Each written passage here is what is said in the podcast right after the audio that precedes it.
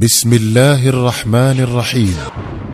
الطفيل بن عمرو الدوسي رضي الله عنه.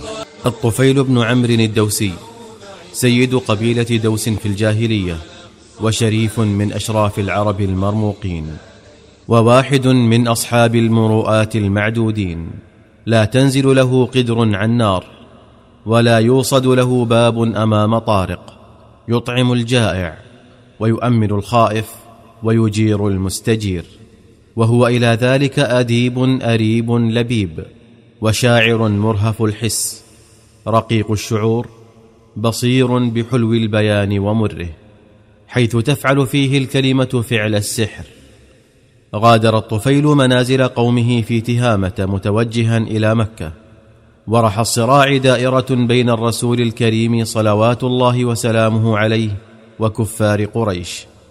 كل يريد أن يكسب لنفسه الأنصار ويجتذب لحزبه الأعوان فالرسول صلوات الله وسلامه عليه يدعو لربه وسلاحه الإيمان والحق وكفار قريش يقاومون دعوته بكل سلاح ويصدون الناس عنه بكل وسيلة.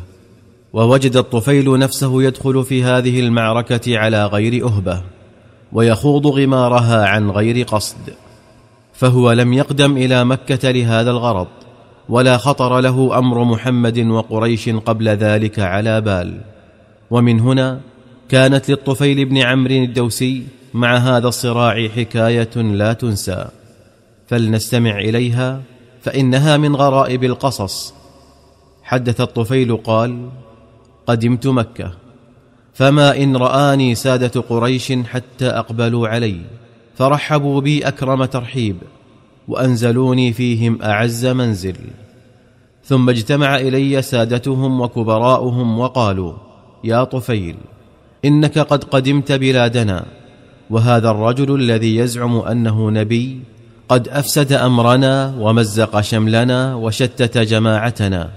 ونحن إنما نخشى أن يحل بك وبزعامتك في قومك ما قد حل بنا. فلا تكلم الرجل ولا تسمعن منه شيئا فإن له قولا كالسحر.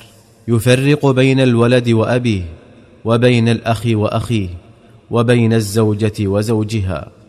قال الطفيل فوالله ما زالوا بي يقصون علي من غرائب أخباره ويخوفونني على نفسي وقومي بعجائب أفعاله حتى أجمعت أمري على ألا أقترب منه. وألا أكلمه أو أسمع منه شيئا. ولما غدوت إلى المسجد للطواف بالكعبة والتبرك بأصنامها التي كنا إليها نحج وإياها نعظم حشوت في أذني قطنا خوفا من أن يلامس سمعي شيء من قول محمد.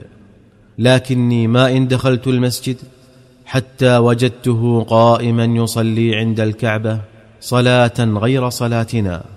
ويتعبد عبادة غير عبادتنا فأسرني منظره وهزتني عبادته ووجدت نفسي أدنو منه شيئا فشيئا على غير قصد مني حتى أصبحت قريبا منه. وأبى الله إلا أن يصل إلى سمعي بعض مما يقول فسمعت كلاما حسنا وقلت في نفسي ثكلتك أمك يا طفيل. إنك لرجل لبيب شاعر. وما يخفى عليك الحسن من القبيح فما يمنعك أن تسمع من الرجل ما يقول. فإن كان الذي يأتي به حسنا قبلته وإن كان قبيحا تركته.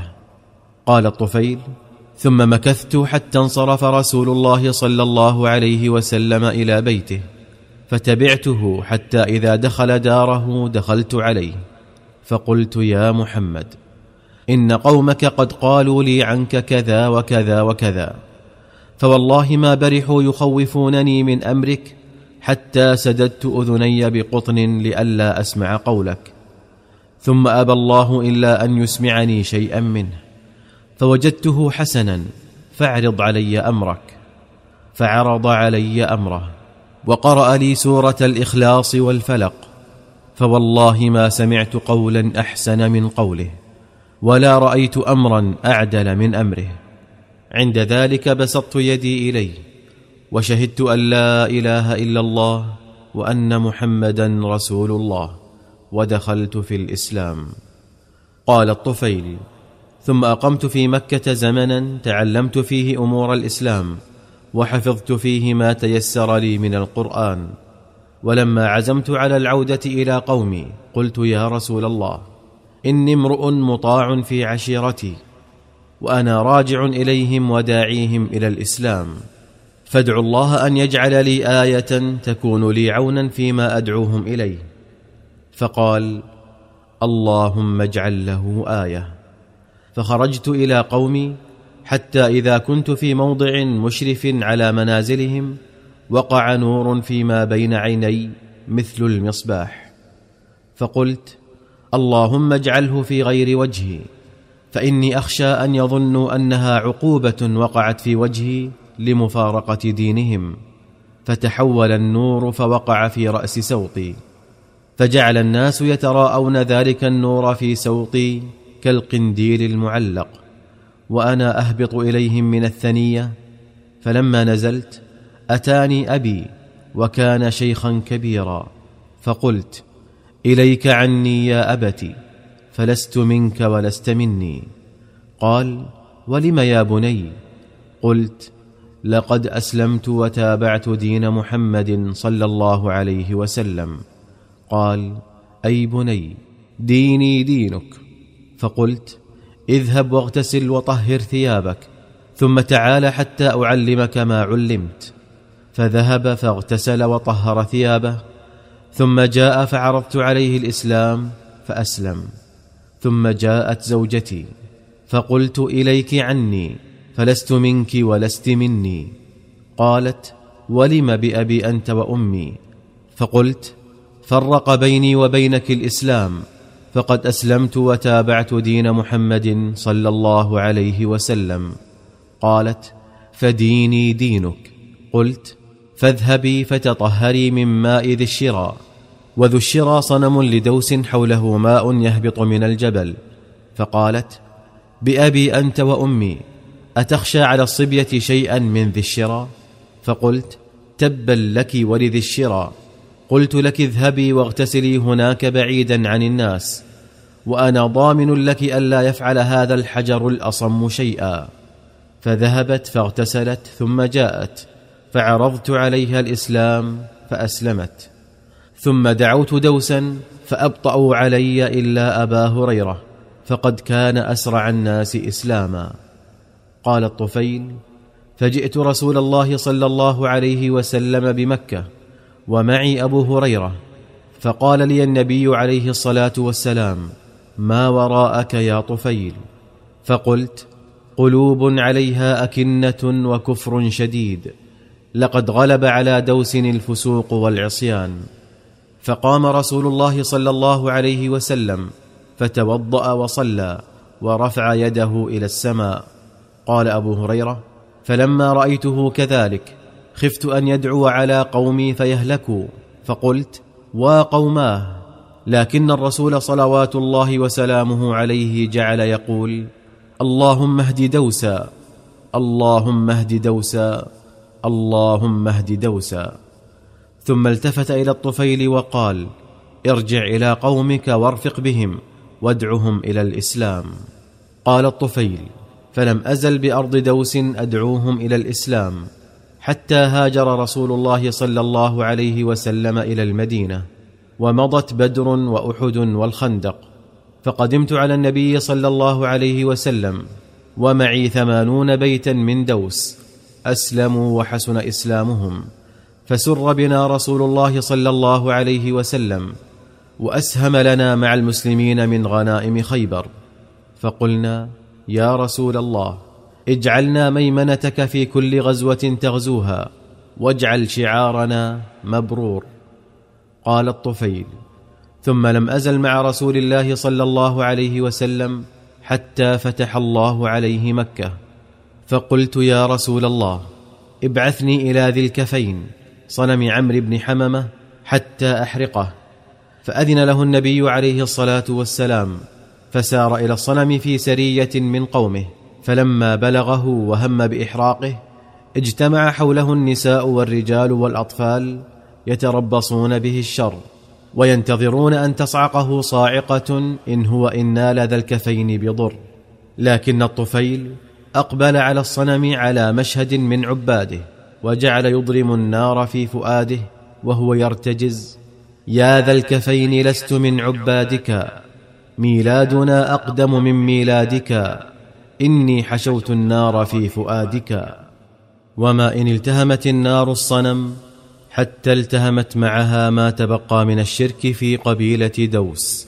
فأسلم القوم جميعا وحسن إسلامهم. ظل الطفيل بن عمرو الدوسي بعد ذلك ملازما لرسول الله صلوات الله وسلامه عليه حتى قبض النبي إلى جوار ربه. ولما آلت الخلافة من بعده إلى صاحبه الصديق وضع الطفيل نفسه وسيفه وولده في طاعة خليفة رسول الله. ولما نشبت حروب الردة نفر الطفيل في طليعة جيش المسلمين لحرب مسيلمة الكذاب. ومعه ابنه عمرو. وفيما هو في طريقه إلى اليمامة رأى رؤيا فقال لأصحابه إني رأيت رؤيا فعبروها لي. فقالوا وما رأيت؟ قال رأيت أن رأسي قد حلق وأن طائرا خرج من فمي وأن امرأة أدخلتني في بطنها وأن ابني عمرا جعل يطلبني حثيثا لكنه حيل بيني وبينه. فقالوا خيرا. فقال أما أنا والله لقد أولتها أما حلق رأسي فذلك أنه يقطع. وأما الطائر الذي خرج من فمي فهو روحي. وأما المرأة التي أدخلتني في بطنها فهي الأرض. تحفر لي فأدفن في جوفها. وإني لأرجو أن أقتل شهيدا. وأما طلب ابني لي فهو يعني أنه يطلب الشهادة التي سأحظى بها إذا أذن الله لكنه يدركها فيما بعد. وفي معركة اليمامة أبلى الصحابي الجليل الطفيل بن عمرو الدوسي أعظم البلاء حتى خر صريعا شهيدا على أرض المعركة. وأما ابنه عمرو فما زال يقاتل حتى أثخنته الجراح وقطعت كفه اليمنى. فعاد إلى المدينة مخلفا على أرض اليمامة أباه ويده. وفي خلافة عمر بن الخطاب دخل عليه عمرو بن الطفيل فأتي للفاروق بطعام والناس جلوس عنده فدعا القوم إلى طعامه فتنحى عمرو عنه فقال له الفاروق ما لك؟ لعلك تأخرت عن الطعام خجلا من يدك. قال أجل يا أمير المؤمنين. قال والله لا أذوق هذا الطعام حتى تخلطه بيدك المقطوعة. والله ما في القوم أحد بعضه في الجنة إلا أنت. يريد بذلك يده. ظل حلم الشهادة يلوح لعمر منذ فارق أباه. فلما كانت معركة اليرموك بادر إليها عمرو مع المبادرين. وما زال يقاتل حتى أدرك الشهادة التي مناه بها أبوه. رحم الله الطفيل بن عمرو الدوسي فهو الشهيد وأبو الشهيد. اللهم اجعل له آية تعينه على ما ينوي من الخير من دعاء الرسول له.